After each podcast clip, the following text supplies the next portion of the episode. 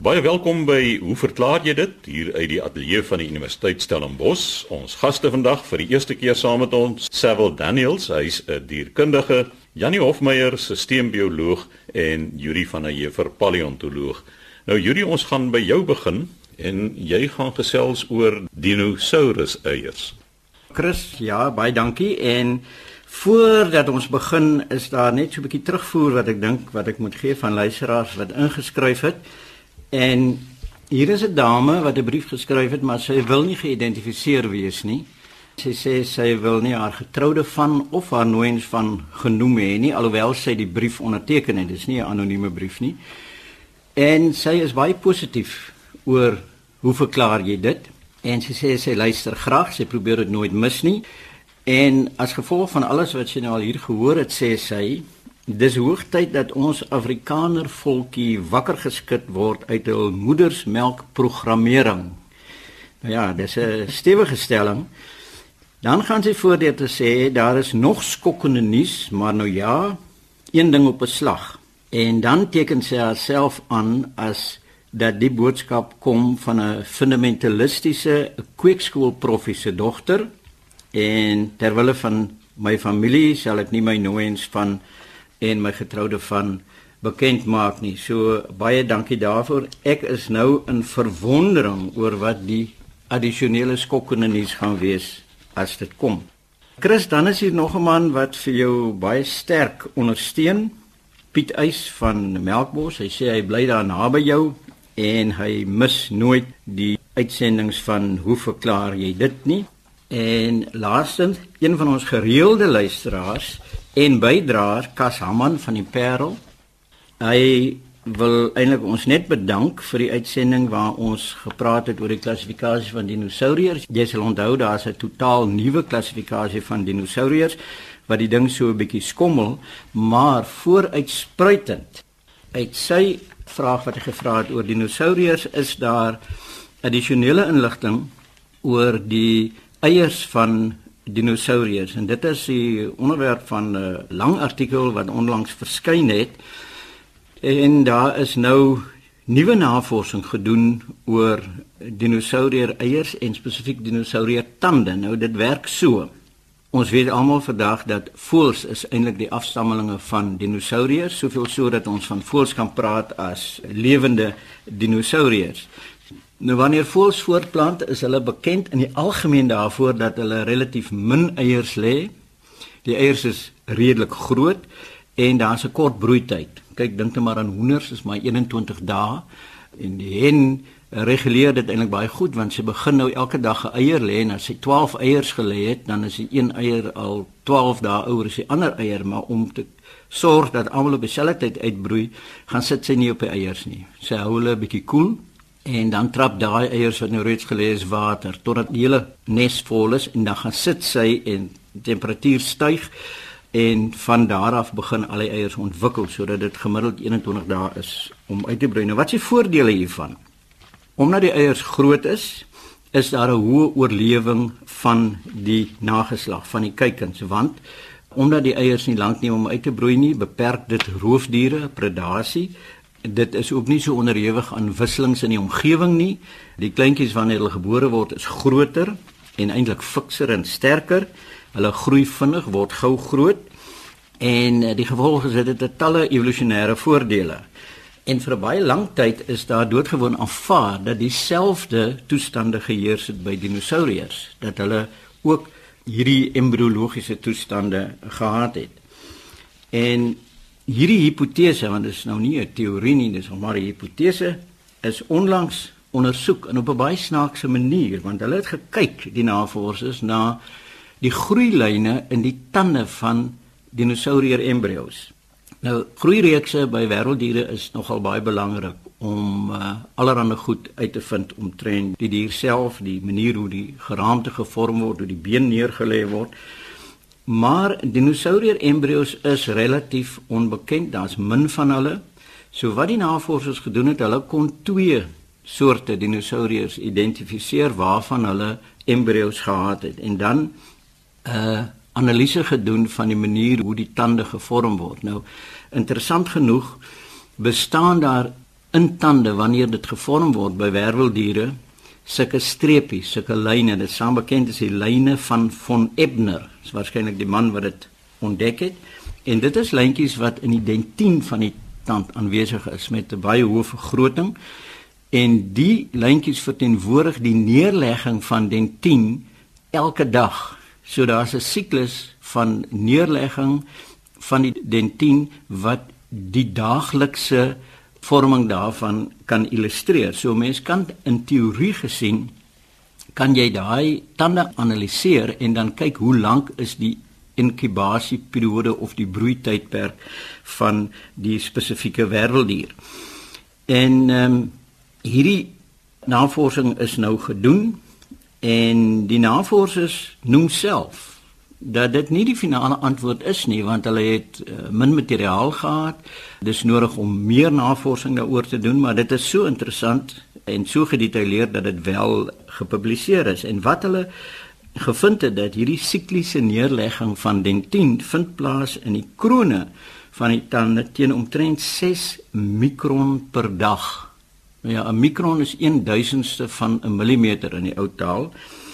En in die kroon en dan in die wortel word dit neergelê teen 'n tempo van omtrent 3 mikron per dag. Baie baie baie fyn. En op grond hiervan het hulle uitgewerk dat die broeitydperk van die eiers van hierdie twee dinosourus kan gewissel het van 83 dae tot 171 dae.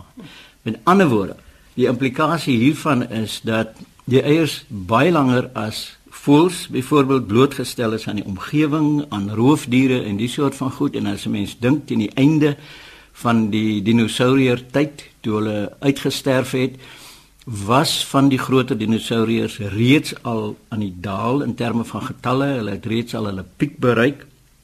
En as hulle toe nou nog gesit het met hierdie embrionale ontwikkeling wat stadig is, wat blootgestel is aan die omgewing en aan roofdiere, voel die mense dat dit 'n bydrae kon gelewer het tot die uitsterwing van die dinosourus. So dis eintlik 'n baie interessante konsep om na die embriologie te kyk in daardie tyd van wisselende omgewingsfaktore. So Kas, nog eens baie dankie vir jou vraag. So sê Yuri van der Heever, ons paleontoloog, Jannie Hofmeyer, sisteembioloog, volgende aan die beurt. Jannie, waarom en hoe verdamp water? Ja, dankie Chris. Die vraag kom van Lenet Dreyer. Sy sê nie waar sy vandaan kom nie, maar dit is 'n interessante vraag. Sy sê dit gaan oor die verdamping van water. Hoekom en hoe gebeur dit dat water op 'n oppervlakte in die lug opgeneem word en weggevoer word? Sy sê dit klink eenvoudig, want ons is almal daaraan gewoond, maar sy wonder tog nog altyd wat die prosesse is wat daar agter sit. Nou, ons so altyd so 'n klein bietjie teruggaan in ons kennis oor waaroor ons praat en in die geval moet mens eers verstaan dat water die vloeibare fase en waterdamp die gasfase van water is. Natuurlik ys is dan die vaste fase van water. Water kom in drie verskillende fases voor. En verdamping is dan die proses waar watermolekuule op die oppervlak van die water uit die vloeibare fase ontsnap en dan in die atmosfeer in beweeg. Die vraag is natuurlik waarom gebeur dit en dit is wat hulle net graag wil weet. So ons moet verstaan dat by 'n gegeewe temperatuur beweeg al die watermolekuule in die water rond En hoe hoër die temperatuur, hoe vinniger beweeg hulle. Ons sê watermolekuule het kinetiese energie en hoe vinniger hulle beweeg, hoe hoër is die kinetiese energie. En by die oppervlak van die water is daar altyd 'n klein fraksie van die watermolekuule wat genoeg kinetiese energie het om uit die water te ontsnap en dan as waterdamp in die lug in te meng. En so nou die konsentrasie natuurlik van die watermolekuule in die lug, die bou nou op en dit vorm dan of oefen dan 'n druk uit op die wateroppervlak wat ons noem dampdruk. Maar 'n ander manier om daaraan te dink is om te stel dat soos wat die watermolekuule se konsentrasie in die atmosfeer toeneem, verhoog die humiditeit. En dit is 'n proses wat omkeerbaar is want mens moet dink watermolekuule beweeg nie net uit die water uit nie, hulle beweeg weer terug in die water. Op die oppervlak is daar altyd kondensasie ook. Maar solank as die tempo van die verdamping vinniger is as die tempo van die kondensasie, dan sal die humiditeit so stelselmatig in die atmosfeer toeneem. En so soos wat dit toeneem, kom dit dan op die eind by 'n punt waar die lug dan versadig is met water. En dis 'n situasie waar 'n ewewig bereik word waarin die tempo van verdamping dan presies dieselfde is as die tempo van kondensasie. So op die wateroppervlak is daar dan twee prosesse, die een wat uitgaan en die een wat ingaan en hulle balanseer mekaar presies. Mens kan so ewewig bereik as jy nou byvoorbeeld water by bepaalde temperature in 'n geslote houer hou, dan gaan mens uiteindelik so 'n situasie bereik waar die atmosfeer binne in die houer bo kan die water dan versadig is en 100% humiditeit bereik is interessant dat ons dink altyd dat water verdamp uit water, vloeibare water uit, maar water kan ook direk verdamp uit ys uit sonder dat daar 'n waterfase tussenin is. Ons noem so 'n proses sublimasie en die situasie is presies dieselfde soos wat ek nou net verduidelik het behalwe dat dit 'n stadiger proses is, want natuurlik daar's baie minder watermolekuule in ys wat genoeg kinetiese energie het om oor die oppervlak van die ys te beweeg, maar dit vind tog plaas. So net daar saam met hierdie verduideliking ook eintlik 'n paar interessante verskynsels wat ons hiermee kan verklaar wat met verdamping gepaard gaan. Dink daaraan dat die temperatuur van water, die word bepaal deur die gemiddelde kinetiese energie van die watermolekuule. Hoe vinniger hulle beweeg, hoe warmer is die water. Of andersom, hoe warmer mens die water maak, hoe vinniger beweeg hulle. Nou, mens moet besef dat nie al die watermolekuule beweeg ewe vinnig nie. En as in die verdampingsproses die vinnigstes nou uit die water ontsnap, dan natuurlik dan neem die gemiddelde kinetiese energie van die water af en die water word koeler, soos wat water verdamp, word die vloeibare fase koeler en dit verklaar natuurlik hoekom mens afkoel.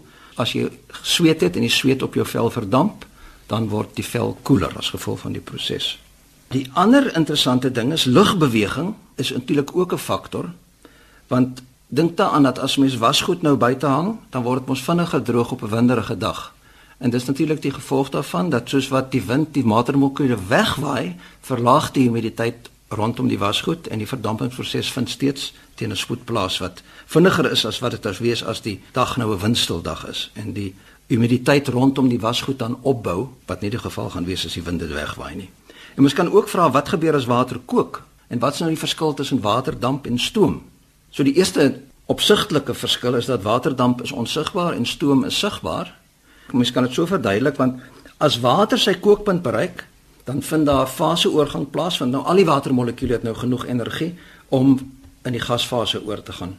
So wat gebeur is dat die atmosfeer raak nou skielik oorversadig met waterdamp in die gasfase en omdat die lug nou koeler is as die waterdamp kondenseer die water dan as klein druppeltjies en dit word dan as stoom sigbaar.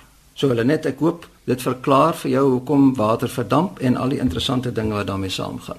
Janie, Ek het net 'n vraag. Jy het nou daar gesê dat as 'n mens sweet, dan verdamp die sweet en dan koel jy af. Nou my skoonma het op Mamasbury en jy weet self hoe warm kan dit daar word en hulle het geglo in die somer drink jy 4 uur in die middag koffie sodat jy kan afkoel en my logika het altyd vir my gesê 'n koue glas water met 'n paar blokkies ys in gaan my meer laat afkoel. Is ek reg of is ek verkeerd? Wil jy van binne af afkoel of wil jy van buite af afkoel? Ek neem aan die koffie storie is dat as jy koffie drink dan sweet jy dalk meer. As jy 'n warm drankie drink dan sweet jy meer op 'n warm dag en dit sal die vel laat afkoel. Maar as jy nou jou ingewande laat afkoel, sou ek ook yswater drink. So sê Jannie Hofmeyer, ons sisteembioloog oor waarom en hoe water verdamp. Laaste aan die beurt vandag, Sewil Daniels, dierkundige, en jy gaan gesels oor Suid-Afrikaanse woude en die biodiversiteit daarin. Chris, ja, ek dink baie keer as mense op die pad ry, veral langs die N2 op pad Nysna of George to sien hulle gewoonlik groot stukke woude en hulle dink, "Wow, daar's baie woude in Suid-Afrika," maar die realiteit is dat woude een van die kleinste biome in die land is. Hulle beslaan minder as 0.56 van die totale landoppervlak in Suid-Afrika. Almal weet die aard van die saak dat Suid-Afrika 'n redelike waterarm land is. So die woude is in die algemeen beperk tot areas wat ehm um, hoë reënval ontvang. Hierdie kan gewoonlik langs die kus voorkom of hulle kan hoog in bergreekse voorkom. So woude as 'n biome redelik klein. In die algemeen is daar twee hoofgroepe woude wat 'n mens kan sien in Suid-Afrika. Alhoewel as 'n mens na die literatuur kyk, kan jy ook sien dat histories was die klassifikasie van woude in Suid-Afrika 'n redelik gekompliseerde scenario. Jy kry woude wat gewoonlik in die binneland voorkom Hierdie is nou die Afro-temperate woude. Hulle het redelike primitiewe organismes wat in hulle voorkom. Ek sal in 'n oomblik oor hulle gesels 'n bietjie. En dan kry jy mens gewoonlik langs die kus, die kusbeltwoude. Hulle is van 'n paleontologiese perspektief af 'n meer onlangse biome maar hulle is ook redelik groot. So in die algemeen is hierdie twee tipes woudes wat mense nou in Suid-Afrika kry. Beide van hierdie tipes woudes, ehm um, van hierdie tipe woude liewer het biogeografiese verwantskappe met woude wat elders in Afrika voorkom. Byvoorbeeld die kuswoude, hulle kom voor al die pad van Oos-London tot in Tansanië. Sommige outeure in literatuur sê hulle kom al die pad tot in Somalië voor. Dan hierdie woude wat in die in die binneland voorkom op die Afro-temperate woude. Hulle kom nou hier van die Kaap af voor al die pad tot in Zimbabwe. So ek het voorheen gesê dat hierdie Afro-temperate woude, hulle het gewoonlik redelike primitiewe organismes wat hulle nou voorkom. Nou as 'n dier baie lank in 'n omgewing woon, gaan na in die algemeen met tyd 'n aanpassing wees om in daai spesifieke habitat dan ook te kan oorleef. So In hierdie Afro-temperate woude wat redelik hoog in die interieur van die van die land gelees of in die binneland geleë is, sien 'n mens baie keer baie primitiewe organismes. En as ek sê primitiewe organismes, dan bedoel ek organismes wat 'n baie lang paleontologiese rekord het. Van hulle byvoorbeeld is redelik primitiewe arthropodgroepe. Die arthropode sal die meeste mense onthou as die skaaldiere. Hulle is die diere wat die harde eksoskelet het. Met ander woorde, daar's nie gewoonlik 'n laag aan die buitekant van die organisme se liggaam wat die wat die dier bedek nie. 'n Voorbeeld, 'n klassieke voorbeeld van hierdie sal nou 'n groep wees wat ek self opwerk, die fluweelwurms of die onychophora, wat dan nou beteken hulle dra gewoonlik kloue op hulle looppote. Hierdie diere het 'n fossielrekord wat omtrent 550 miljoen jaar oud is. Hulle kom in Suid-Afrika, in Australië, in Chili voor. So is 'n baie tipiese uh, Gondwana verspreiding.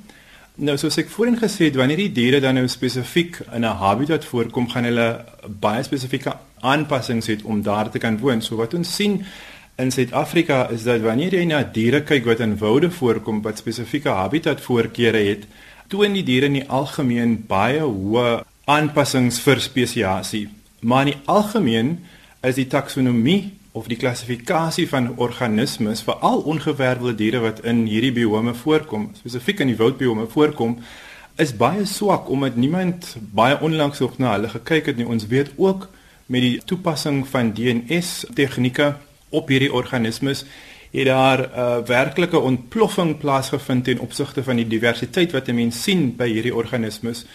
So in die algemeen by diere wat dan nou spesifieke aanpassings het wat in woude voorkom, soos byvoorbeeld by hierdie fluweelwurm sien 'n mens baie hoë vlakke van diversiteit. Met ander woorde, omtrent elke woud het 'n spesifieke hoeveelheid spesies wat net daar voorkom.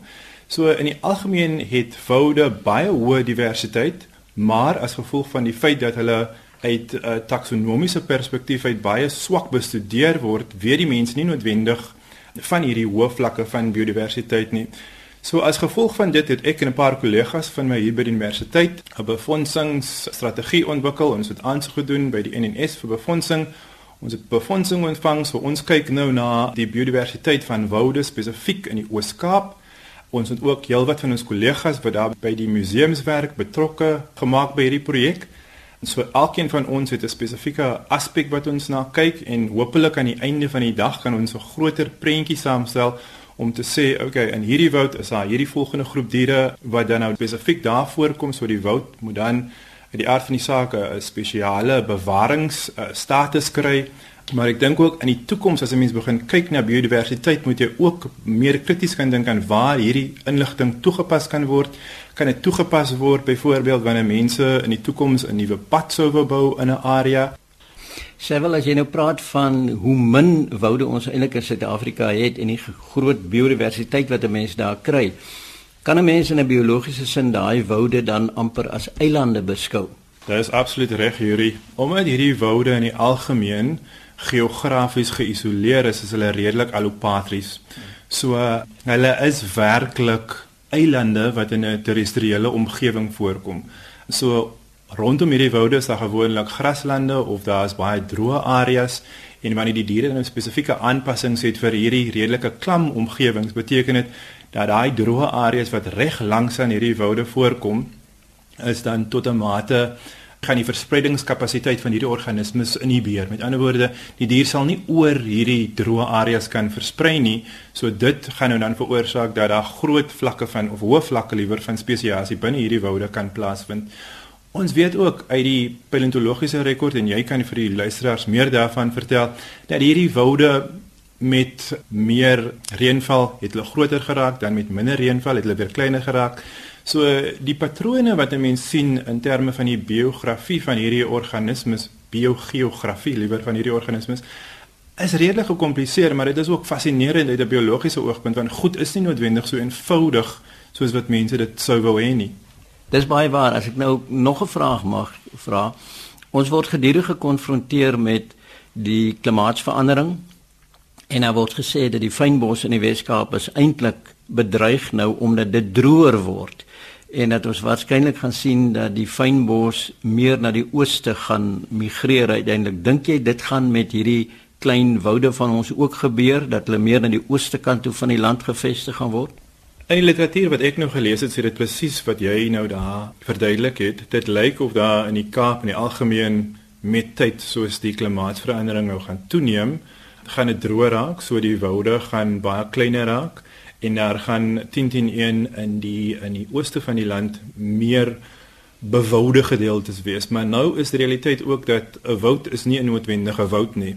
Hulle sien byvoorbeeld met hierdie klimaatsveranderingsstudies dat die bosdigtheid in areas gaan toeneem. Nou as jy nou meer bosse het, het jy noodwendig 'n woud is die vraag. En die antwoord is nee, dit is nie noodwendig so eenvoudig nie maar in die algemeen gaan ons 101 met tyd hoër vlakke van extinction in die Kaapfloristiese area het in die fynbos en ons gaan sekerlik hoër vlakke van bewouding hê in die Oos-Kaap. En so sê Sewil Daniels, ons dierkundige, daarmee het ons ook aan die einde gekom van vandag se program. Skryf gerus aan ons by hoe verklaar jy dit? Posbus 2551 Kaapstad 8000 of stuur 'n e-pos aan chris@rsg.co.za